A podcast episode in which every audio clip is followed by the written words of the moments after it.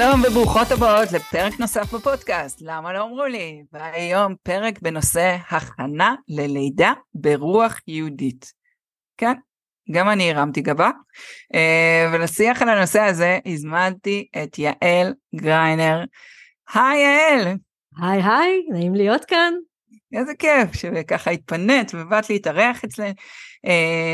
אה, אז uh, באמת זה, זה נשמע מאוד מאוד מיוחד הדבר הזה. הייתי שמחה ש, שקצת תסבירי, קודם תספרי לנו מי את, וקצת תסבירי מה זה הכנה ללידה ברוח יהודית. בכיף. אז קודם כל באמת שלום, נעים להכיר אותך, את כולם. האמת שאותך אני מכירה כבר שנים, זה לא מאתמול, אנחנו 11 שנים ביחד, אה, נשמע כאילו אנחנו ביחד, לא, זה אפלטוני בנות. אמ, אבל אה, ככה באמת אה, לספר לעולם על דברים שאני עושה למי שאולי עדיין לא שמעה. אז אה, נעים להכיר, אני יעל גריינר, היום אני מיילדת, אבל את הדרך המקצועית שלי בעולם של שדה הלידה אני התחלתי בתור דולה לפני 15 שנים, ועשיתי הסבה מקצועית כדי להגיע למיילדות. מעבר לזה אני גם מלווה הריונות ליווי הריון רגשי ואני גם עושה עיבודי לידה אבל בעצם גולת הכותרת של העשייה שלי היא שיטת ההכנה היהודית ללידה שפיתחתי אותה מתוך הניסיון שלי כיולדת, זה התחיל משם, אני אגב לא ציינתי, אבל נראה לי שזה אחד החשובים, יש לי שישה ילדים שנולדו בלידות שונות לחלוטין, מקיסרי ועד לידת בית, אני חוויתי בערך הכל מהכל, כולל פגיות, כולל תינוקות שנולדו אחרי הזמן, מה שאתם יכולות לדמיין, חוץ מלידת תאומים, לזה עוד לא זכיתי, אבל מי יודע. מי יודע, יש עוד זמן. בעזרת כן. השם. אה, ומתוך באמת הניסיון שלי, אה, שאולי אני ככה אספר בכמה מילים כדי שיהיה ברור על איזה ניסיון אני מדברת בכלל, הגעתי למקום שבו הבנתי שלידה זה לא עניין פיזי, אלא זה עניין רגשי. וברגע שהבנתי את זה, ואני תכף אגיד את זה אולי ככה במילים קצת אחרות, פתאום השתנתה לי ראיית העולם על מה זאת בכלל לידה ואיך חוויית לידה יכולה להיחוות, וזה עשה לי כזה וואו, שאני אמרתי לא יכול להיות ש, שנשים אחרות לא לא יחוו את הוואו הזה בעצמם בלידות שלהם. לא יכול להיות שאישה תבוא ללידה וכל מה שהיא תחשוב זה כואב לי, כואב לי, כואב לי, הצילו, מתי זה נגמר? מתי כבר תוציאו את התינוק הזה ממני? כשאני נכנסת ללידה היום כמיילדת, אני אומרת, אחד המשפטים הראשונים שאני אומרת לכל ילדת, אני רוצה שתצאי מפה עם כזאת חוויה שבא לך להביא עוד ילדים לעולם. שאחרי שאת מסיימת את הלידה את אומרת זה היה כזה כיף, אני רוצה עוד אחד. וזו המטרה. קשה לי לדמיין את זה, כי אני זוכרת את עצמי שוכבת שם אחרי הלידה, כאילו עברתי פיצוצי גיהנום, מתנשפת, ואז אה, אימא שלי אומרת לי, אז מה? עוד אחד עד שיבוא בן, נכון? ואני כזה, מה? לכי מפה, איזה עוד אחד, את לא רואה אותי שאני נראית כאילו, אני, גמרו אותי, והלידות שלי היו סופר מהירות, זה מה שנקרא לידה חטופה, mm-hmm. ממש, היא הורידה לי את המים ויצאה תוך שבע דקות. היא כאילו עשתה בנג'י מפתיחה 2 להורידה מים ושבע דקות היא הייתה בחוץ. אה, לא נשמתי וכמו שאת אומרת ישבתי עם אלוהים שתינו קפה וכשחזרתי חזרה. הייתי לה. כן. אז זה היה כזה. אז אה, כן.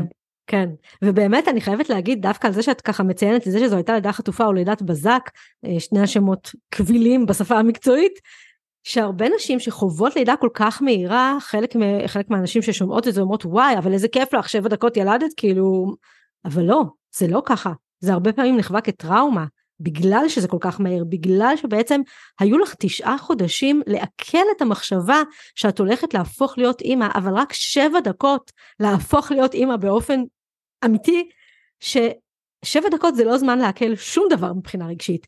כשהילדה הזאת בחוץ את מסתכלת עליה ואת אומרת, מה? מה קרה פה עכשיו? אני אימא?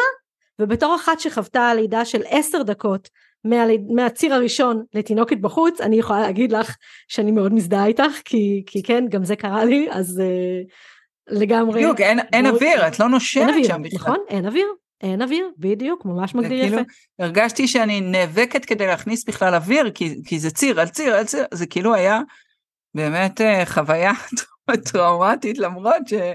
על פניו כאילו חוויה נהדרת של אה, שבע דקות ולא כן. שעות, על גבי שעות של צירים וכאבים ו... זהו ששבע דקות או שבע שעות או שבע מאות שעות לא מגדיר חוויה נהדרת. חוויה נהדרת היא לא תלוית זמן, היא תלוית רגשות והיא תלוית בעצם איך אני מרגישה שהובלתי את הלידה שלי או הובלתי בלידה שלי. האם אני הייתי זאת שקבעה את הטון, החליטה את ההחלטות, מרגישה שליטה בגוף שלה, בסיטואציה, במה שקורה מסביב, או אני זאת שעשו בגוף שלי, יילדו אותי, אני לא ילדתי בעצמי, הכל נעשה לי, אני מרגישה מוקטנת, אני מרגישה בעצם בעולם החיצוני אני אולי איזה עורכת דין מאוד גדולה, או לא יודעת מה, כי לא צריך להיות עורכות דין פשוט בשביל להיות את, אישה אמיתית, עושה, עושה דברים כאילו בן אדם, נכנס לחדר לידה, את חדר שבע, עם החלוק, מי את בכלל? כל דבר את צריכה לשאול ש... רשות, ללכת לשירותים את צריכה לבקש רשות. מתי פעם אחרונה ביקשת רשות ללכת לשירותים? שהיית בבית ספר היסודי? זה מקטין אותנו לגמרי לילדה בת שבע, ו- וזה משהו שהוא חלק מהרעיון של שיטת ההכנה היהודית ללידה. כי את אומרת הרמת גבה כששמעת על הכנה יהודית ללידה, כי באמת כאילו מה הקשר בין לידה ליהדות איך זה בכלל מתקשר אז אני קודם כל אגיד שיהדות זה דבר שמכיל המון המון המון דברים זה לא אומר פרקטיקה יהודית, אוקיי? זה לא אומר לקיים מצוות. או תפילות תוך כדי. תפ... תפילה זה, זה חלק מהמצוות, זה לא אומר את זה, אוקיי? זה יכול גם להגיד את זה, אבל כשאני מדברת על הכנה יהודית ללידה, אני מדברת על המחשבה היהודית. אני מדברת על העולם התיאולוגי, על כל מיני דברים שהם אולי מובילים אותנו בתוך העולם הערכי שלנו, אפשר להגיד. לדוגמה, אמ, חן וחסד, אוקיי? ערכים יהודיים, להיות גומלי חסדים, לעשות טוב לאחר, אוקיי? זה ערך ביהדות. בתוך ההכנה היהודית ללידה, איך זה יתבטא? אני בלידה לא מסתכלת רק על עצמי, כמה כואב לי, כמה קשה לי, איזה מסכנה אני, לא. יש פה גם תינוק, מה איתו? הרבה פעמים בתוך לידה, כשאני בתוך איזושהי התמודדות, אני אפילו לא מצליחה לחשוב על התינוק, אני לא יכולה לדמיין אותו כי עוד לא ראיתי אותו, זה קשה לדמיין. אבל כשאני נמצאת בתוך מקום של חסד שאני מבינה פה שיש לי תפקיד בתור אימא, כרגע שאני יולדת אני כבר אימא, כבר יש לי ילד בתוכי, מהיום שהוא שם, כן? זה כבר תשעה חודשים שאני אימא. והמשמעות של זה היא שאני בתוך כדי לידה לא רק אתייחס לעצמי, אחשוב על עצמי, אני אחשוב עליו, אני אראה איך אני יכולה להקל עליו, איך אני יכולה לעזור לו, איך אני יכולה להיות במקום של חסד ונתינה כלפיו? כמובן זה יהיה דרך עזרה לעצמי, כי בסופו של דבר אני כרגע הכלי קיבול שמכיל אותו, אז הכלי צריך לקבל את הדברים שיעזרו לו. והסטתי את נקודת הפוקוס שלי מכואב לי, כואב לי, קשה לי, לאמא איתך, אמא פה, אתה לא לבד, אנחנו עושים את זה ביחד. שזה אגב מתאים לכל סוג של לידה, כן? זה מתאים ללידה קיסרית, זה מתאים ללידה אה, אה, נרתיקית, זה לא קשור, ושימי לב אני אומרת לידה קיסרית ולא ניתוח קיסרי, אוקיי? זאת לידה לכל דבר, לידה היא לידה היא לידה, זה לא משנה איך היא מתרחשת. זה, אה, אה, אני חייבת שנייה להתייחס כדי שאני לא אשכח. אמרת שבעצם אה, מי שולט על הלידה, כמה אני בעצם שולטת על מה שקורה ועל מה שעושים. ואני רוצה לשאול אותך בתור, הרי את עכשיו בתפקיד של מיילדת, לא דולה, את יודעת את המערכת, את מכירה את המערכת, כמו שאמרת, צריך לבקש לזוז לפיפי כי את מחוברת למוניטור וזה יזיז את הזה. האם בתוך המערכת הזאת יש לנו מקום ל-say? אם היא עכשיו אומרת לי, אה, יאללה בואי נזרז את הלידה, את לא מתקדמת, את לידה ראשונה, את לא זזה לשום מקום, יאללה בואי נתחיל פיטוצין, לפקוע מים. אה... לגמרי. לגמרי, אבל אני כן רוצה להגיד שאני עושה פה איזושהי הבחנה והבדלה בין שני דברים. קודם כל, אני, אני אגיד בכללי, זה לא משהו שקשור רק ללידה, זה קשור לכל החיים שלנו. אנחנו חיות, כחלק מהיותנו נשים שחיות בחברה המערבית, אנחנו חיות בתחושת שליטה על העולם שלנו. אנחנו יודעות מתי אנחנו נקום, הולכות לעבודה, הולכות, כאילו יש לנו סדר יום מאוד מתוקתק, מאוד מאורגן, יש לנו שגרה, גם מדברים על זה הרבה בחינוך ילדים, ילדים צריכים שגרה, הם צריכים גבולות, הם צריכים זה, זה מה שעוזר להם להיות אה, יותר אה, יציבים. לא ליפול מהגג. כן, כן, אוקיי. ו- וזה נכון, אני מסכימה עם זה. וזה מה שמייצר לנו תחושה של ביטחון, כי אנחנו שולטות, וברגע שאנחנו שולטות במציאות של חיינו, אז אנחנו מרגישות center, פוקוס, אין לנו בלגן בראש, ברגע שיש בלגן בראש זה מכניס כאוס לחיים שלנו, בגלל זה כל פעם שיש איזשהו אירוע שובר שגרה כמו המלחמה, אנחנו רגע אחד, יותר מרגע אחד, אימא'לה מה קורה פה? מישהו הזיז לי את הגבינה בענק, אני לא יודעת מה לעשות, אני לא שולטת בזה פתאום. פתאום זה לא זה שאני קמתי בבוקר ותכננתי לאכול ארוחת בוקר, אבל לא, קמתי בבוקר ובמקום זה הייתי צריכה להיכנס למקלט. או שנכנסו לי מחבלים לתוך הבית, כשאני לגמרי, בדיוק עם החביתה על הגז. לגמרי, כל אחת איפה שהיא חיה, כן, כן. אני חיה בעולם אחר, שברו לי את כל המוסכמות, את כל הכללים, נטלו את השליטה מהידיים שלי. עכשיו אני אומרת שתחושת השליטה הזאתי, שאנחנו חיות בה בדרך כלל שלנו, היא מזויפת. ולמה היא מזויפת? כי באמת אנחנו לא שולטות. מי ששולט בעולם, וסליחה שאני אתחיל עכשיו לדבר בדיבורים דוסים, אבל אה, כן זאת מי ש... אבל את דוסית. אבל זה, זהו, שזה לא דוסי, הכנה יהודית לידה מתאימה לכולם גם אם הן לא יהודיות, אוקיי? זה לא קשור, זה כמו שהייתי אומרת לך עכשיו, הכנה ללידה ברוח הבודהיזם. לא היה מעניין אותך לשמוע מה יש לבודהיזם להגיד על זה? אותו דבר, אוקיי? אותו אז, דבר. אז בנות, לא לייצר אנטי כי זה ברוח יהודית, אלא זה בגישה שהיא אחרת ממה שפשוט הכרתם עד היום. לגמרי, נכון? אני גם, אני, אני חייבת נכון. להגיד, את, את לגמרי הבנת נכון, ואני גם כן חייבת להגיד על זה, שאולי בעקבות המלחמה ובעקבות זה שקצת אנשים כאילו נשברו להם איזה שהם פרדיגמות עכשיו, ופתאום חלק מאיתנו מבינים שרוצים, אני באתי להגיד רצו, אבל לא רצו, רוצים, זה בלשון הווה, רוצים להרוג אותנו על עצם היותנו יהודים, נקודה. בכל העולם. בכל העולם. ו- וגם אם אין לי שום קשר ליהדות שלי ועד היום בכלל לא לא הגדרתי את עצמי כיהודייה, אולי אני אפילו עדיין לא מגדירה את עצמי כיהודייה, זה לא בכלל קרוב אליי בשום צורה, אז אולי פתאום אני קצת רוצה יותר להבין מה זה בכלל אומר, אוקיי? לאו דווקא, שוב, לא בחלק הפרקטיקה של העשייה היומיומית, לא בלקיים מצוות, אוקיי? לא בלהיות בן אדם דתי, אלא פשוט בן אדם שמכיר את המקורות שלו, שיודע מאיפה הוא בא, שיודע מה זה אומר להיות יהודי, הוא כבר יבחר מה לעשות עם זה. אבל הוא פשוט יודע מה זה ואיך זה יכול להשפיע על החיים שלו. ויש השפעה בכל התחומים, אוקיי? בכל התחומים. התחלנו לדבר על זה כי מה אני כבר עכשיו נקטע לי כל חוט המחשבה. אז נחזור באמת לעולם של הלידה ואיך אה, אה, בעצם אמרת שאנחנו כל הזמן היינו אה, בפוקוס על הכאב על מה אני חווה על אה, כואב אה, לי על זה. הנקודה של השליטה רציתי לדבר על זה שזו כן. שליטה מזויפת כן. כי באמת בסופו של דבר, והנה הדיבור הדוסי, מי ששולט בעולם זה הקדוש ברוך הוא. לא יעזור. אני אשתף את קהל המאזינות שלנו, ששנייה לפני שהתחלנו להקליט, דיברנו ככה איזה שעה וחצי בכיף שלנו, כי בכל זאת נפגשנו הרבה זמן וזה, ו- ובתוך השיחה, אני סיפרתי לך כמה דברים ואמרתי זו הייתה השגחה פרטית, זו הייתה השגחה פרטית, ומה זה השגחה פרטית? השגחה פרטית זה אומר שאנחנו בעולם הזה, אנחנו כל הזמן מושגחות. יש כל הזמן איזשהו כוח עליון, אני קוראת לו הקדוש ברוך הוא, אתם יכולות לקרוא לו איך שאתם רוצות, ששומר עלינו, אנחנו לא לבד. יש קטע מאוד יפה שאני תמיד אוהבת לצטט, שאני לא זוכרת מי כתב אותו, לא בן אדם יהודי, לא קשור ליהדות, אה, נראה לי שקוראים לזה השחף או משהו כזה, לא יודעת.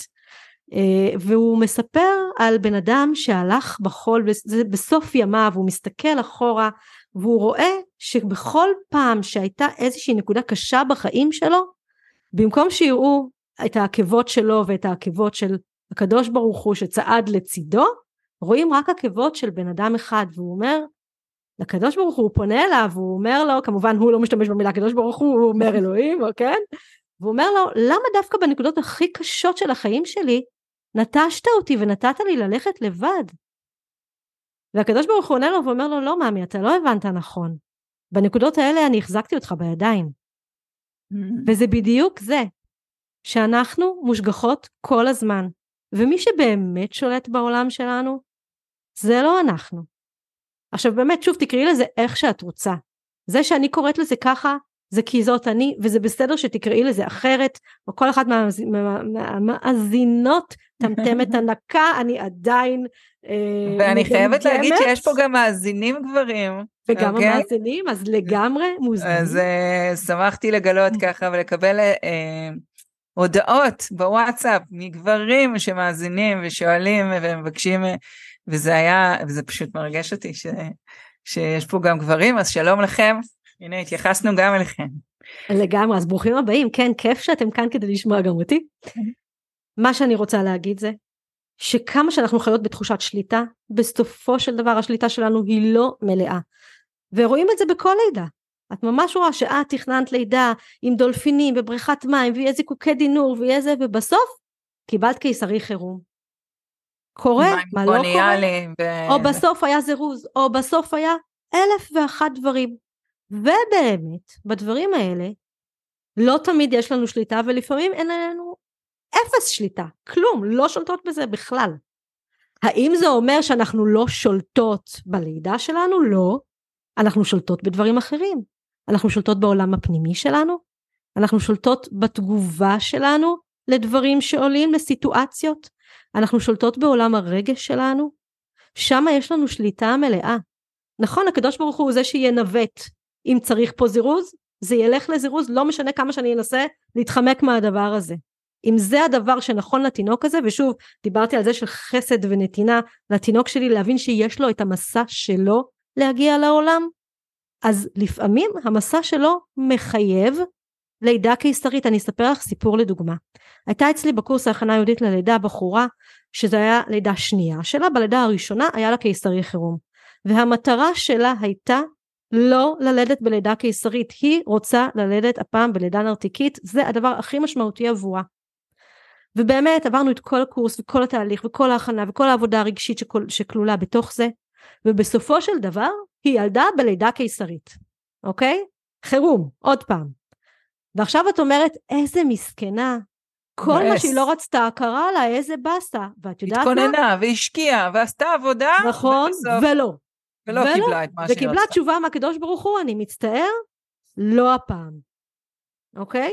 זה לא רק לא, לא הפעם, לא זה לא הפעם ובכלל לא. לא, לא, לא, לא, לא, לא נכון. לא נכון, לא נכון, בואי. אפשר ללדת רגיל גם אחרי שני קיסריים. באיזה בית חולים? את תצטרכי למצוא מרכז רפואי שמאשר את זה, זה יהיה מסע תלאות, אבל זה אפשרי וזה קיים גם בישראל. אוקיי? אוקיי נכון שרוב שזה, אנשים רוב בתי החולים לא, לא ילכו איתכם? רוב, נש... רוב הנשים שעברו שני קיסרים לא יזכו לדבר הזה. אבל זה אפשרי, אני בעצמי ילדתי נשים כאלה. אוקיי? די. כן, כן, אפשר. וואו. אוקיי? אבל נכון, אני מודה שזה נדיר. אני מודה. והיא יצאה מהלידה, ואת אומרת בטח מה זה בבאסה וזה, ולא. והיא אומרת הייתה לי לידה מדהימה, ואת יודעת למה? כי מלא פעמים אנחנו בעצם לא מצליחות אפילו להבין למה זה התגלגל לקיסרי חירום עוד פעם, למה הוא עשה לי דווקא, למה אני כועסת על התינוק, אני כועסת על המצב, אני כועסת על, על, על, על כל דבר. על כאילו, עצמי, לא... שאני לא כן, מסוגלת כן, ללדת. איך, אני לא יודעת ללדת, הגוף שלי... זה הכי בסיסי. כשהיא נכנסה ללידה, הקיסרית, אוקיי? כבר ממש בחדר ניתוח.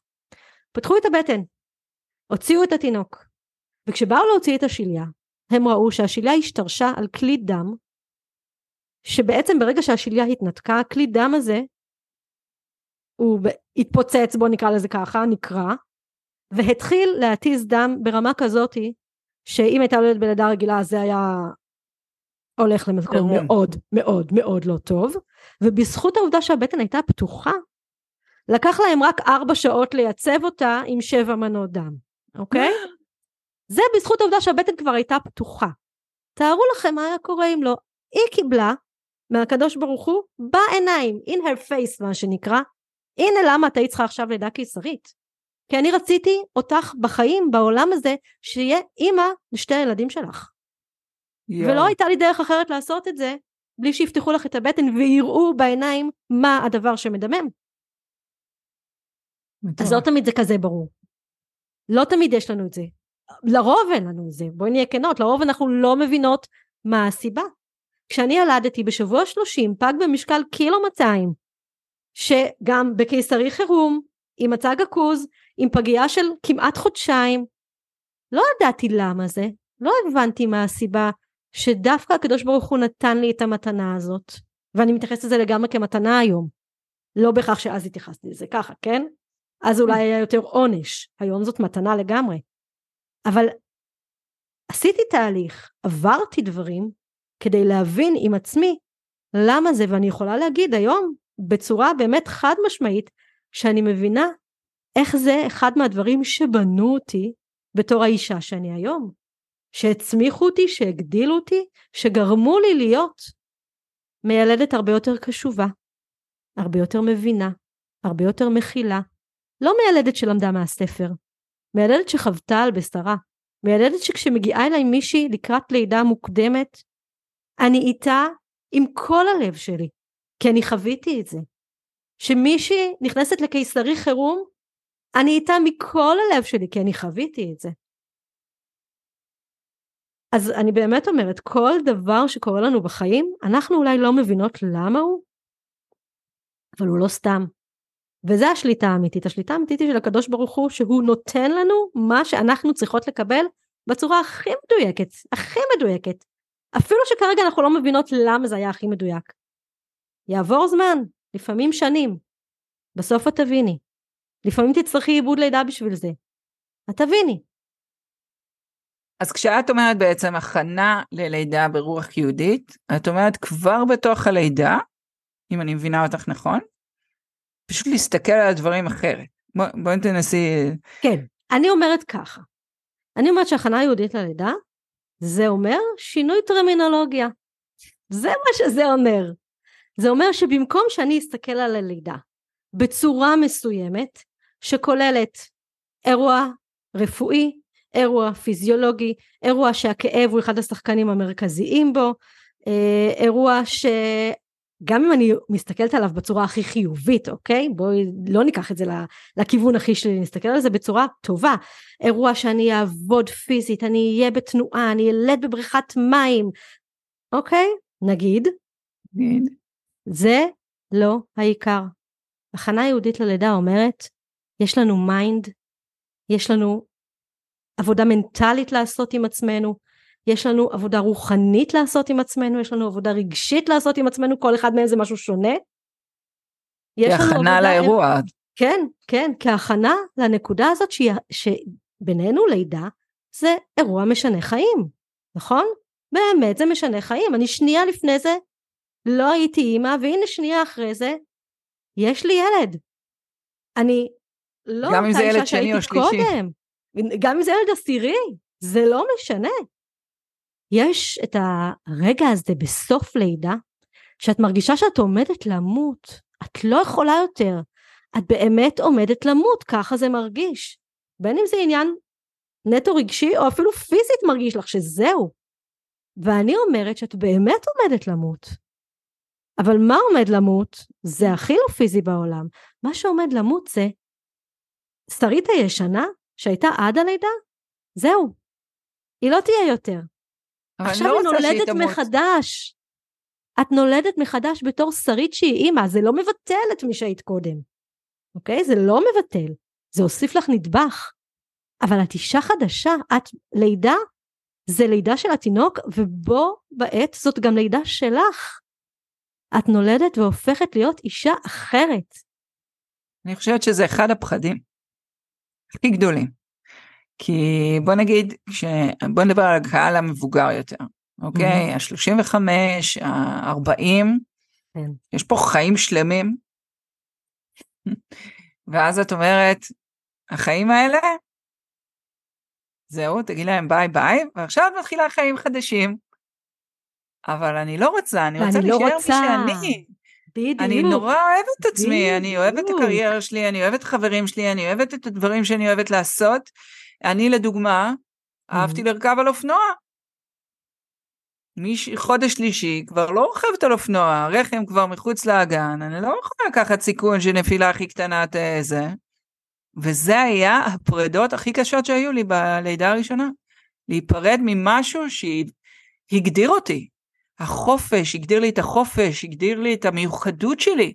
אני מדברת על 2000, 2011 ילדתי, אבל על אופנוע אני בערך מ-2005. עכשיו, ב-2005, 2006, לא היו שם הרבה נשים שרכבו על אופנועים גדולים, זה היה משהו mm-hmm. שהוא עולם מאוד מאוד גברי, והיה משהו שמאוד ייחד אותי, האי עם האופנוע, האחות עם האופנוע, יועצת הנקה שמגיעה הביתה עם האופנוע, וזה לא קטנוע, זה אופנוע עם נוכחות וזה. ופתאום לוותר על, וכל החברים שלי זה אופנועים, וזה טיולים בשבתות, ולא רוצה לוותר עליה. למה לוותר עליה? בשביל מה לוותר עליה? אני אגיד מחדש, אני אגדיר את זה מחדש. לא רוצה לוותר. אז, אז אני מה זה מה זה מזדהה איתך, אוקיי? אני תכף אגיד לך קצת על משלי, איך זה מתבטא אצלי. זה שאני אומרת שאת מתה ונולדת מחדש, לא אומר שמי שהיית קודם לא תתקיים יותר, אוקיי? זה לא אומר את זה. זה כן אומר שמי שעכשיו נולדת מחדש, זאת אותה אישה משודרגת, אוקיי? עם יכולות שהיא בעצם, שנייה אחרי שתיגמר הלידה, אולי לא שנייה, אולי זה ייקח קצת יותר, היא תסתכל אחורה והיא תגיד, וואו, זה אני עשיתי את זה? אמרה לי יולדת ממש לא מזמן, לפני כמה חודשים, בסיום הלידה, היא אמרה לי, אני לא מאמינה שילדתי, צריך לכתוב את זה בקורות חיים. זה עד כדי כך כאילו מטורף, אז זה צריך להיות בקורות חיים שלי, ילדתי. ב super powers. כן, כאילו וואו. זה וואו. זה אחת התכונות או המעשים. אוקיי? וזה מה שאני מתכוונת. פתאום, אם עד היום את היית שרית שרוכבת על אופנוע, עכשיו את שרית עם הסופר פאוור שרוכבת על אופנוע. זה, עכשיו זה הרלי דיווידסון, זה לא אופנוע. זה אופנוע, אוקיי? הייתי צריכה לוותר על האופנוע, זה בדיוק היה האבל שלי. אז כאן אני רוצה להגיד משהו לגבי ויתור. כי את חזרת לאופנוע אחר כך, נכון? את לא ויתרת עליו לנצח נצחים. לא, אחרי כמה שנים, אבל באותו רגע זה היה נראה כאילו אני מוותרת על... זה היה נראה סוף העולם. זה היה נראה סוף העולם. אז אני כן אגיד שתמיד יהיה איזשהו שינוי עם האימהות. וזה חלק מהמחירים שאנחנו משלמות על להיות אימהות. כי החיים שלנו הם לא או שחור או לבן, זה לא שאם אני אהיה אימא הכל יהיה טוב, אם אני לא אהיה אימא הכל יהיה רע, או ההפך. תמיד יהיה את האפור, והאפור הוא שבזה שאני הופכת להיות אימא, כן יש מספר מחירים שאני אצטרך לשלם. למשל, לוותר על רכיבה על אופנוע למשך תקופה מסוימת. אבל זה לא לנצח. אני למשל מאוד אוהבת טיולים. אני הייתי במזרח, בתאילנד, בזה, ב... האם אחרי הלידה הפסקתי עם זה? ממש לא. אני הייתי בתאילנד עם שני ילדים, הייתי בהודו, הייתי בנפאל עם חמישה ילדים, ולא תגידו יומיים, אוקיי? כאילו חודשים. טיילנו, חרשנו, עשינו. ההורות לא גרמה לי לוותר על החלומות שלי, לא גרמה לי לוותר על מה שאני אוהבת, לא גרמה לי להשתנות. היא גרמה לי להוסיף כוחות על. זה מה שזה עשה לי. אז אני לא חושבת שזה כזה ברור לכולם. ש... שאת יודעת שאנחנו יכולות להמשיך ואנחנו יכולות לעשות דברים למרות. אני מסכימה איתך. אני זה... מסכימה איתך במיליון אחוז. זה לרבות מאיתנו, בייחוד לקראת לידה ראשונה, כשעדיין בעצם לא חווינו, אנחנו ממש חושבות שרגע, אז אני אשתנה? אז זה לא יהיה יותר? ובטח כשמדובר על לידות בגילאים יותר מבוגרים, אז uh, כאילו אפשר לחשוב 35 זה מבוגר, לא בנות אני בת 47 בואו נעשה איזה אישור קו 35 זה ממש לא מבוגר, גם לא 40 זה לא מבוגר, uh, אבל נכון בניתי קריירה, בניתי חיים, מה אני אצטרך לוותר על כל זה? אז לא, את לא תצטרכי לוותר, את אולי תעשי איזשהו אדפטציה, שינוי, משהו במשך תקופה מסוימת של גידול ילדים כשהם קטנים, אבל ברגע שהילד מספיק מסוגל לשתף איתך פעולה, שלום עולים על המטוס אנחנו בהודו, אוקיי? אני, כן. המסע הראשון שלנו חודש וחצי מחוץ לגבולות המדינה, הילד שלי היה בן ש... שנתיים, בת שנתיים היא הייתה, והיה לי גם תינוק בן שמונה חודשים עם שניהם. אוקיי? זה לא כן. הזיז לי בכלל, זה לא הפריע לי, וזה היה ב-2005. זה אפשרי, אוקיי? את אני... לגמרי יכולה לגדול מתוך זה, ואחד המסרים של ההכנה היהודית ללידה היא, שכל דבר בחיים שלנו מעצים אותנו ומגדיל אותנו. וזה... אני חושבת שזה לגמרי מה שאת מדברת עליו, על הצורה שאת מסתכלת על הדברים. נכון, וזה השינוי כי... טרמינולוגיה, זה זה. כי במהלך ההיריון הראשון דווקא אני נתקלת בהרבה שאומרות שום דבר לא ישתנה אחרי הלידה, אני אהיה אני ואני אעשה את אותם דברים שאני אוהבת ואני רוצה. ואחד הדברים שאני מדברת איתם כשאני פוגשת אותם, הרי אני פוגשת אותם בדרך כלל צמוד ללידה, שבוע אחרי, שבועיים אחרי, והן ב, אה, כאילו מוצאות עצמן בבית עם תינוק, אה, מתעסקות רק בפיפי קקי וזה כאילו אחד הכאפות החזקות. ואני אומרת להם ש, שבאמת אל, אל תאחזו באותו היום, ב, ב, את יודעת, הגדולה שלי בת 12, אז mm-hmm. כבר עברתי הרבה וגם עיבוד הרבה של כל התהליך שאני עברתי, ואמרתי להם, אל תצפו להיות אותו בן אדם שהיית רגע לפני הלידה, כי אז לא הייתי אימא, לא יודעת מה זה אימהות, לא זה, היו לך חיים מאוד מאוד מסוימים. החיים שלך משתנים, כי גם הנקודת מבט שלך וה, והפוקוס שלך בחיים וה, והרצונות שלך משתנים.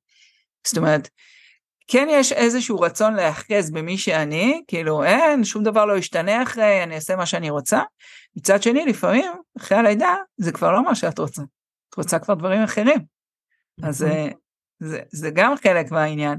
כי אני הייתי באבל, כל כך בכיתי על זה ש, שגם החברים שלי היו קשורים לאופנועים, וכאילו פתאום מצאתי את עצמי בלי אופנוע, בלי החברים שממשיכים לטייל כל שבת, וכאילו באמת הרגשתי כאילו תלשות עם החיים שלי, שמו אותי באיזשהו מקום, אמרו לי ברוך הבא, את אימא. ועכשיו בגלל שהייתי אחות תינוקייה וזה, ידעתי כאילו לתפעל את העניין, אבל רגשית, זה לא היה קשור אליי. כאילו לא יכלתי לעכל את זה בכלל.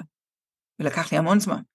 המון זמן, כאילו להכניס את הרגשי, להתחבר אליה ברמה של לא הרסת לי את החיים, ודניאלי, אם את שומעת את זה, את אחד הדברים הכי מדהימים שקרו לי בחיים, ואת מלמדת אותי כל יום, באמת, אני מברכת על הילדה הזאת, אבל בא, בא, באותה תקופה, אני הייתי באבל עמוק. ואני חושבת שמה שאת מדברת עליו כל כך חשוב, אם, אם אני הייתי עוברת משהו במהלך ההיריון, כי חלק מההכנה, את יודעת, של מה חשוב ועל מה לשים את הפוקוס, עזבי את זה שבאמת בורכתי בלידות של לא סבלתי מכאבים פיזיים, פשוט לא נשמתי כמה דקות, אבל בקטנה, אחרי זה חזרתי לכדור הארץ, אבל uh, באמת שתי לילות שבורחתי, אחת חצי שעה ואחת שבע דקות, זה כאילו זה, ובלי איזה משהו ארוך לפני, אבל אם מישהו היה שם לי את הפוקוס שנייה על משהו אחר, על כמו שאמרת, מה התינוק עובר, אה, או לתקשר, כאילו מבחינתי לא ממש תקשרתי עם ה... איתה כשהיא הייתה עוברית, כאילו לא משהו שראיתי והרגשתי פיזית, למרות שאני mm-hmm. בתוך התחום הזה הרבה לפני.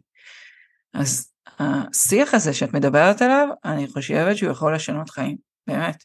ולא שמעתי אותה מדברת על זה קודם, זה באמת, אה, דיברנו על מלא דברים אחרים, אבל לא על זה, ואני כאילו מוקסמת מזה, באמת, אני מקשיבה לך ואני אומרת, יואו, רק היו משנים לי שנייה את הנקודת מבט, והייתי, אני חושבת שהשנה הראשונה הייתה אחרת. אני מסכימה. אני חושבת באמת אה, ששינוי נקודת המבט בעצם זה המפתח. הוא מאפשר לי לראות את האירוע של לידה בתור מתנה שאני מקבלת על כל המורכבויות שלה. אני יודעת מראש שאני אני תמיד אומרת גם את זה. אני לא הולכת לשקר לכם, אני לא הולכת להגיד לכם שלידה לא כואבת. כן, היא כואבת. אבל קודם כל בואו נשנה את המילה. טרמינולוגיה אמרנו? נחזור לזה. כואבת זו מילה מכווצת, שאני חושבת על ציר כדבר כואב, אני מתכווצת באופן אוטומטי פיזית בגוף. אם אני קוראת לציר מאתגר, אני כבר לא מתכווצת, אני מקבלת מוטיבציה. כי באתגר הזה אני יכולה לעמוד, יכול להיות שהוא יהיה אתגר מאוד קשה, אני לא אומרת, אבל זה אתגר. ועל אתגר, אני ברוח תחרותית באה לנצח את האתגר הזה. אני מסוגלת. יותר מזה, אנחנו מסתכלות על צירים, אנחנו ממש, אני, אני אגיד רגע, אימא שלי היא דוקטור ללשון. עכשיו אני חי, גדלתי, חייתי בבית שבו לשפה העברית יש כבוד מאוד מאוד גדול. כל מילה יש לה משמעויות, כל מילה מגיעה מאיזשהו מקור. לדוגמה, אפילו סתם פעולות שאנחנו עושים אה, לעיסה וכאלה, אוקיי? המילה לעיסה מגיעה מתוך איך שהפעולה מתבצעת, או... לכל דבר יש ממש, זה כאילו, זה לא סתם, זה לא מילים באוויר. ו- ולא סתם קוראים לה, לעברית שפת הקודש, כל מילה שמה היא ממש כזאת. אז כשאני עושה שינוי במילה, אני מטעינה אותה במשמעות אחרת. אם אני מסתכלת על ציר לא בתור האויב שלי, שבא להכאיב לי, אלא בתור האוהב שלי, ש... מה זה ציר? תסתכלי במילון, פירוש ראשון, שליח. נכון? הצירים שנשלחו לכנס הציוני הראשון בבאזל זה היה? שם מצד מדינת היהודים? לא, לא ידעתי את זה. נכון? ציר זה שליח. זה המשמעות. הנה, כבר חידשתי. קיבלת שליח מאת השם להביא לך את הילד שלך לעולם. וכל ציר שבא, במקום שאני אגיד, אוי, הצילו כואב, אני אומרת, תודה. תודה שאתה פה.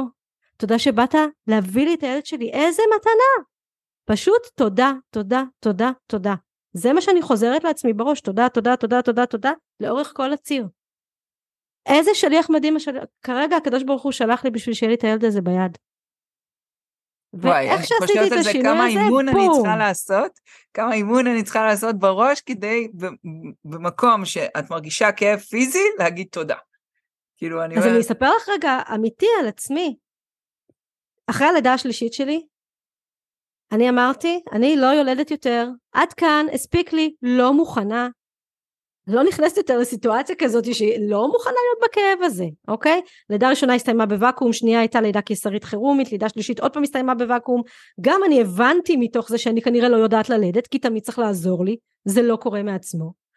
וגם זה היה כל כך כואב, שאני פשוט לא רוצה להיות שם. ומגיע איכשהו בכל זאת הסיטואציה שאני שוב בהיריון ואני נוסעת לרופא שלי לקבוע תאריך ללידה קיסרית. זו הייתה מטרת הפגישה מבחינתי. מה שמראה איזה תמימה הייתי כי מי קובע תאריך ללידה קיסרית אצל הרופא הפרטי אבל לא משנה. אני נוסעת אליו אני מגיעה לרמזור בדרך אני זוכרת את הרמזור. כל פעם שאני עוברת לידו היום אני מחייכת. והיה רמזור אדום אז הייתי צריכה לעצור. ואני חושבת לעצמי יעל מה את עושה את בעצם מתנהגת עכשיו כמו בת יענה, את כל כך מפחדת ללדת שאת טומנת את ראשך בחול, ואת אומרת, אני, כאילו אני אלך על הפתרון הכי קל, אני אקבע לידה קיסרית, לא אצטרך להתמודד עם זה יותר, כאילו, אה. אבל בינינו, מה, לידה קיסרית זה באמת הפתרון הכי קל? מה, לא תהיה לי החלמה אחר כך? מה, אני לא אצטרך אחרי זה לדדות, ובקושי להצליח ללכת לתינוקייה? בפעם הראשונה של הקיסרי גם היה לי פגייה, אז בכלל, כאילו, זה בכלל אפילו באותה קומה, וכאילו, זה לא, אולי במקום לפחד, תלמדי מחדש מה זאת לידה. וזה מה שעשיתי, עשיתי אחורה פנה. לא נסעתי לרופא. עשיתי אחורה פנה, חזרתי הביתה, התחלתי ללמוד מחדש מה זאת לידה. וזו הייתה הפעם הראשונה שהבנתי שלידה זה בראש ולא באגן. הבטחתי לך שאני אגיד לך את המשפט הזה במהלך השידור הזה, אז הנה. לידה זה בראש, וכשאני מתייחסת אליה מהראש, היא גם תיראה ככה. במקום להתייחס למה קורה באגן שלי, כמה זה כן כואב, לא כואב, אני מתייחסת למה עובר עליי, לאתגר שאני נמצאת בו, ללהגיד תודה. מפה לשם, עשיתי הכנה מטורפת, מטורפת, חקרתי את כל האינטרנט, כל הספרות המקצועית, כל הזה, זה מה שהוביל אותי להיות דולה, ואחר כך משם להיות מיילדת. באותו שלב הייתי סוחרת נשק, אוקיי? מה? כן, כן, לא ידעת, אבל הנה הייתי סוחרת נשק עד אז. סוחרת נשק? אמת. והיית דתייה אז?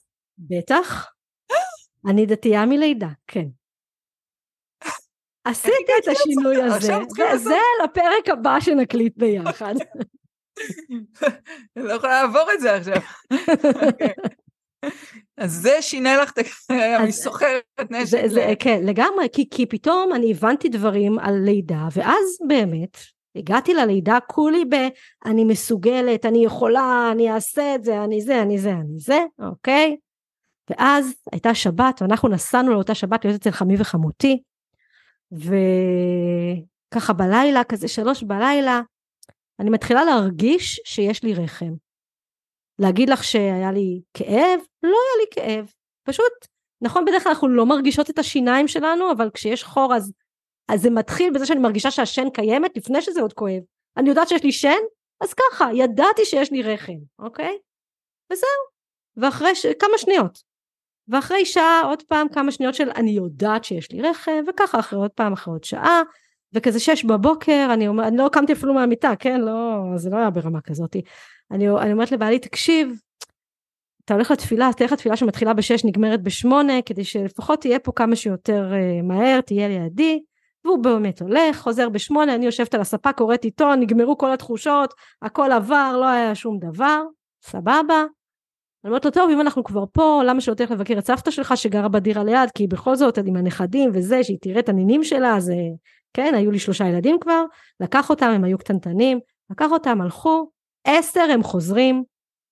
אני באותו זמן יושבת על הספה, מחזיקה את אחיינית שלי שהייתה בת שלושה חודשים.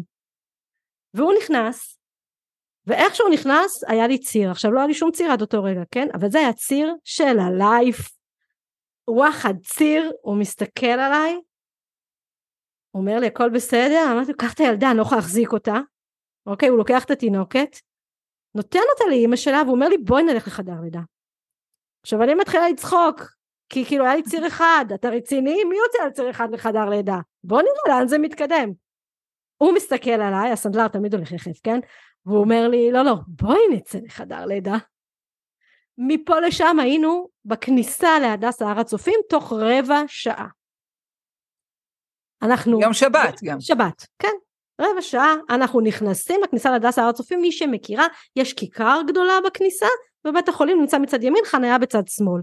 אני אומרת לו, תקשיב, שבת, ריק, כן? תחנה על הכיכר, ויאללה בוא נצא. והוא חונה, אני יוצאת, ואני כזה בראש שלי מעולה, בטח פתיחה שלוש ארבע כבר, כי בכל זאת אני מרגישה ש, שכבר יש לי צירים, אוקיי? כל הדרך יש צירים, וזה ציר כל דקה, וזה כאילו, אוקיי? רבע שעה בינתיים עברה. הוא קלט אותך. ואני באמת, באמת, מטורף.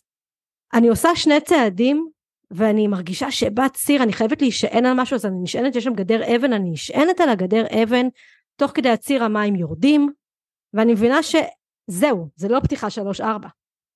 ועכשיו זה, אני באמצע הרחוב, כן? אני באמצע הכיכר, עשיתי כולה שני צעדים, זה אני והקדוש ברוך הוא והילדה הזאת, זהו, אין שום דבר אחר. ואני מתחילה להגיד בראש, שיר למעלות, אשא עיניי להרים מאין יבוא עזרי, עזרי מעם השם, כי אני יודעת שאם הוא לא עוזר לי עכשיו, אני יולדת באמצע הכיכר. אוקיי? ואני עושה עוד צעד, והראש מתחיל לצאת. ואני אומרת, ובעלי כאילו רואה את זה, והוא רוצה לפתוח את השער אבל השומר לא נותן לו לפתוח את השער. המזל שלי שנכנסה אה, הסעה של מנקות. ירדה מנקה שקלטה שאני יולדת. עכשיו זה כניסה לבית חולים אז יש מלא כיסאות גלגלים היא מושיבה אותי על הכיסא. אתם מבינות כמובן והם מבינים שאני לא באמת ישבתי כי חצי ראש כבר היה בחוץ. אני הייתי יותר כזה חצי שכובה. והיא מתחילה להטיס אותי לחדר מיון ותוך כדי שהיא עושה את זה אני צועקת לה תורידי לי את התחתונים. שמזל שהם היו עליי כי זה מה שהחזיק את הראש הורידה ותפסה את התינוקת בכניסה לחדר מיון כשכל העולם רואה. ואני באורות מטורפים כל הלידה הייתה 25 דקות אורות מטורפים מטורפים מטורפים. אני אומרת כאילו וואו קודם כל אני יודעת ללדת. עשיתי את זה לבד. בלי ואקום. בלי ואקום בלי קיסרי בלי כלום. ודבר שני היה שם מההתחלה מהרגע שהרגשתי את הדבר, הרחם הראשון הזה הייתה שם הודיה עצומה הנה זה קורה מעצמו, הנה זה לא בא בזירוז, שכחתי להגיד שהבטיחו לי זירוז באותו ערב הייתי אמורה ללכת לזירוז, כן? זה, זה מה שהיה, אני בגלל זה באתי בחמי וחמותי שישמרו על הילדים במוצאי שבת, אוקיי? זה היה הרעיון. ואני אומרת, תוכנית. אוקיי, זה מתחיל, זה זה. וכשחשבתי שאני בפתיחה שלוש-ארבע, אז, אז עוד יותר אמרתי תודה על כל ציר. כי אמרתי גם, אולי אני אפילו לא אצטרך זירוז, אולי אני ישר אכנס ללידה בלי זירוז, כאילו. הייתי בהודיה מטורפת על כל ציר וציר. וזה מה שיצר את האורות האלה. וזה עבד לי גם בלידה החמישית וגם בלידה השישית, אוקיי? זה לא שזה היה חד פעמי. כי אחרי זה אני גם למדתי להיות דולה, גם למדתי להיות מילדת וגם בעצם סידרתי את כל זה לשיטה, לכלים, ל... נכון, את יכולה לעשות דברים על עצמך אבל את לא מבינה מה בדיוק עשית שעבד לך? והרבה זמן הייתי במקום הזה שלא בדיוק הבנתי מה עבד לי שם. עד שממש סידרתי את זה כשיטה. הילדה השישית שלי נולדה תשע שנים אחרי מספר חמש. היה לי מלא זמן לסדר את זה כשיטה. אוקיי? מלא זמן. מה היא חיכתה שם? היו צריכים להיות כמה טיולים. בלידה השישית, אני בעצמי העברתי את הקורס הכנה ללידה, תוך כדי שאני בחודש תשיעי, ועוברת בעצמי את הקורס, אוקיי? מקשיבה לעצמי, מדברת בווידאו, ועושה את השיעורי בית. והייתה לי לידה מדהימה עשר דקות מהציר הראשון לילדה בחוץ בחדר שינה כמובן עשר דקות את לא מספיקה לצאת לשום מקום מדהים. זאת אומרת תכננת לידת בית או שזה פשוט לא, קרה? לא אבל בעשר דקות את, את מספיקה אפילו לאוטו את לא מספיקה לרדת. כלום, לא כן, הספקתי כלום. הספקתי לחשוב שרגע אולי אני צריכה ללכת לשירותים, אחרי זה הבנתי שזה לא שירותים זה ראש, אחרי זה היא הייתה בחוץ. זהו, זה מה שהיה. מי תפס אותה? Uh, מי תפס אותה? אז קודם כל, תינוקות לא באמת צריכים שיתפסו אותם, בואו נפריך כאן משהו. תינוקות יודעים להיוולד לבד. והיא נולדה לבד.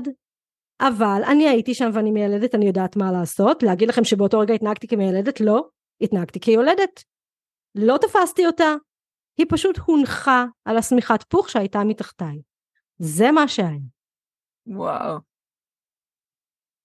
כן. את יודעת, אחד הדברים שאומרים זה שמילדות היום אין להם זמן לילד, כי הן רצות בין שתיים שלושה חדרים, שזה אומר בין שתיים לשלושה ילדות, ואז הן פשוט הופכות להיות תופסות תינוקות. הן באות לרגע של ה... שהתינוק בחוץ, תופסות, שמות על האימא, רצות לילד הבא, תופסות, שמות על האימא. שגם פה, כאילו, את אומרת, חדר לידה, אין צוות, אין תקנים, גם פה, כאילו, עולם, מה, בריאות, הם... אה, המיתוס הזה, שגם... אה, תראי, לצערי זה נכון, כן? איך שאנחנו כן. עובדות היום עם התקינה הנוכחית, זה נכון? זה באמת ככה. זאת המציאות, אין לי ברירה, כשיש לי שלושה חדרים, את אומרת שזה שלוש יולדות, זה לא שלוש יולדות. שלושה חדרים זה אומר שאם יש לי בחדר אחד ושתיים יולדת שמתקדמת יותר לאט, ובחדר שלוש יולדת שילדה מהר, אז זאת שילדה מהר, החדר עוד פעם תיכנס עוד אחת שיולדת מהר, ועוד אחת, ש... ויכול להיות לי תשע יולדות במשמרת. אוקיי? שרק בחדר כן, אחד התחלפו בום בום בום בום בום בום, כן, ואז אני כל הזמן בחדר מספר שלוש, אחת ושתיים רואות אותי פעם ב... כשיש לי זמן לבוא להגיד שלום, מה נשמע? עצוב, לכן אני חושבת שהיום דולה זה, זה דבר שהוא הכרחי. ואם אני אקח את זה רגע לעולם שלי, ש, שבעצם מה שאני עושה זה מלווה אה, יולדות אחרי ניתוחים קיסריים בזמן האשפוז, יחד עם צוות שהולך וגדל, אה, תודה לאל, משנה לשנה. וגם פה, יולדות אחרי ניתוחים קיסריים מגיעות למחלקות, ששם יש אחות על 17-20 יולדות במקביל, ואין להם את האפשרות לתת את התמיכה ואת התשומת לב ליולדת אחרי קיסרי שמוגבלת פיזית, שמוגבלת גם בהנקה, אם היא רוצה להעניק, אז לא בתנוחות סטנדרטיות בהתחלה, כי זה לוחץ לה על הבטן וזה כואב לה וזה, והן צריכות הרבה יותר תמיכה מיולדת לצורך העניין של ילדה רגיל ללא אפידורל וככה על הרגליים תוך שלוש דקות. אמ, אבל מבחינת המערכת, נשים הן נשים בריאות, הן לא חולות, ולכן מבחינת תקינה לא צריך פה שיעוף הפוני. נכון. אז זה מתבטא בהרבה מאוד תחומים, וכמו שאני חושבת שדולה זה אה, משהו שהוא חובה בחדר לידה כתמיכה אה, במיילדת נקרא לזה, אוקיי? שביחד בתור צוות יעשו אה, עבודה, גם בחדר, באשפוז, יולדות אחרי ניתוחים קיסריים, אסור להם להישאר שם לבד. אם זה לא בן משפחה, אז זה אחות פרטית, ואם זה לא אחות פרטית, אז זה חברה, זה לא משנה. אבל אין מצב שאת אחרי ניתוח קיסרי, חתכו לך את הבטן כרגע, כמו ניתוח בטן לכל דבר, רק שפה יש לך גם תינוק שתלוי בך במאה אחוז. להבדיל מניתוח בטן אחר, שיגידו לו תנוח חמוד, אל תתאמץ, אה? פה יגידו לך, יאללה, תינוק שלך בוכה, תפסיקי להתפנק במיטה, כואב, כואב גם לכולם, קדימה, תראי את השכנה שלך, איזה יופי, היא מתאוששת. לגמרי, לגמרי ככה, אני מסכימה. אני ממש מסכימה. אנחנו לצערי צריכות לסיים. אני, אני כאילו סופר מעניין לי פה, ואני כאילו זה, ונראה לי שאנחנו נעשה עוד פרק על, אה, כבר עלה לי נושא נוסף. אה, בכלל, סוחרת נשק, זה יהיה עוד. איך גינבת לי את זה ככה? 11 אה, שנה? 11 שנה, ואני לא, לא, לא ידעתי. לא ידעת, כן. לא ידעתי. אמ, אז אמ, אני, אני חושבת שהדברים שדיברת עליהם פה זה דברים שהם mind changer, כאילו באמת לא, לא חשבתי על זה אף פעם בצורה הזאת, ואני בטוחה שגם יש פה מאזינות שככה אה, פתאום קיבלו איזושהי נקודת מבט חדשה על כל הנושא הזה. אה, אני אשמח ככה שתספרי, שת, אמרת שבעצם את עושה קורס, שיש שיטה, שיטה, נכון, ל... נכון. אם תוכלי ככה בכמה מילים לספר איך זה עובד, כאילו עם מישהי פה. באהבה. אז הכנה יהודית ללידה, אה, זה בעצם שיטה שאני מעבירה אותה באמצעות קורס, שהקורס הוא קורס אה, דיגיטלי שמשלב גם כמובן תמיכה אישית ומענה לכל השאלות איתי באופן אישי כרגע.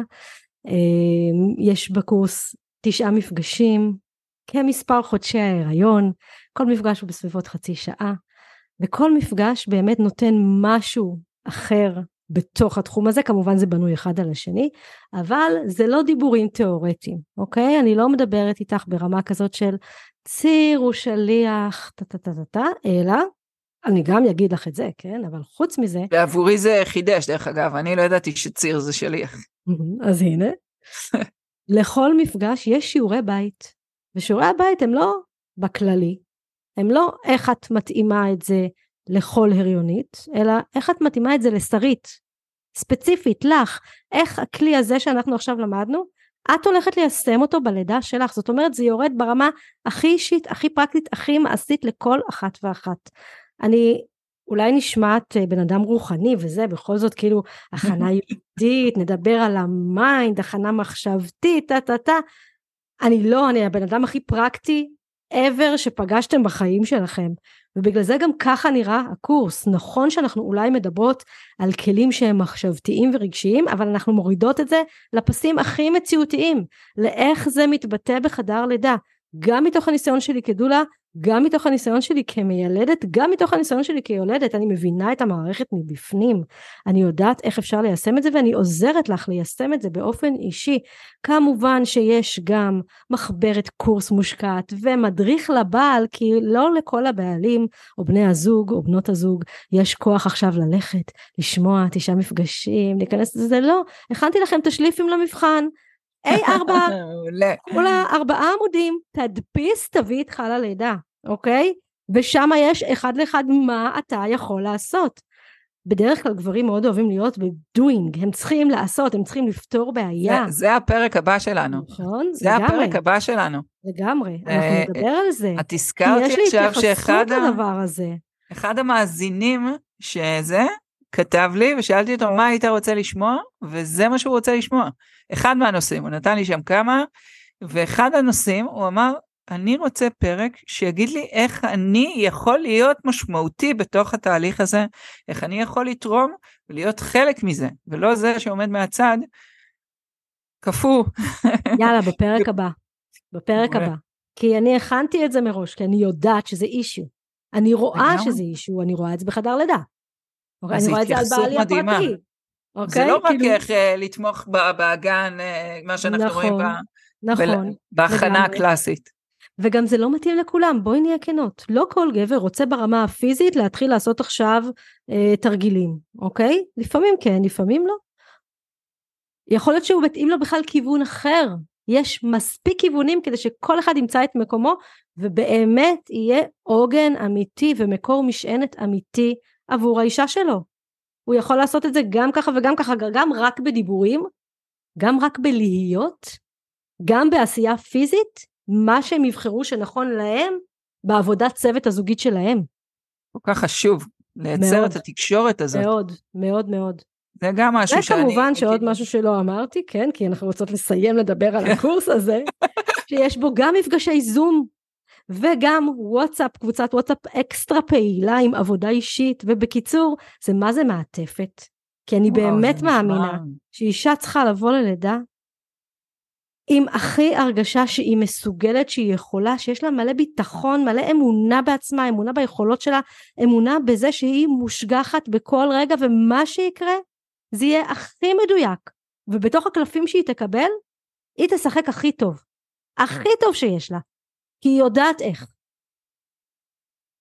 וזה השורה התחתונה. גם אם, אה, גם אם את לא ממש, אה, אני מדברת עכשיו למאזינות, אליכן, אלייך, שמקשיבה לזה, תוך כדי ריצה או תוך כדי נסיעה באוטו, אה, או, או תוך כדי הליכה בים.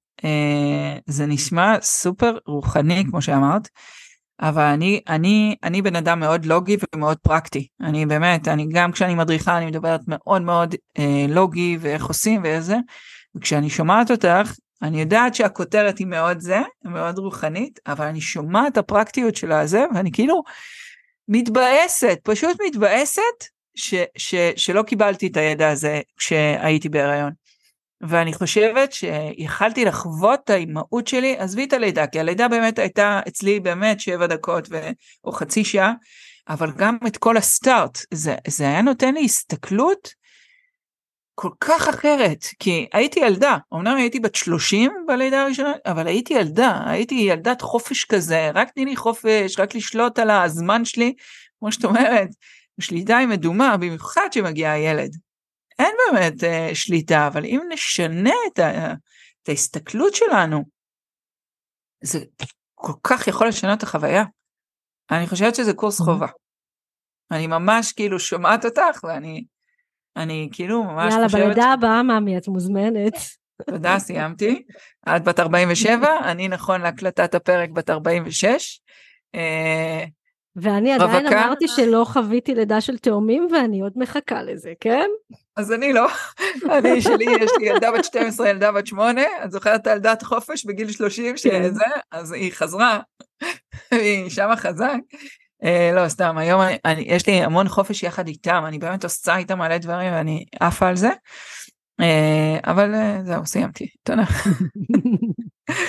אז אה, בנות יקרות, יש לכם את כל הפרטים פה מתחת לפרק, איך אה, להגיע ליעל, איך לדבר איתה, אני בטוחה שהיא ככה תענה על כל שאלה שתהיה לכם.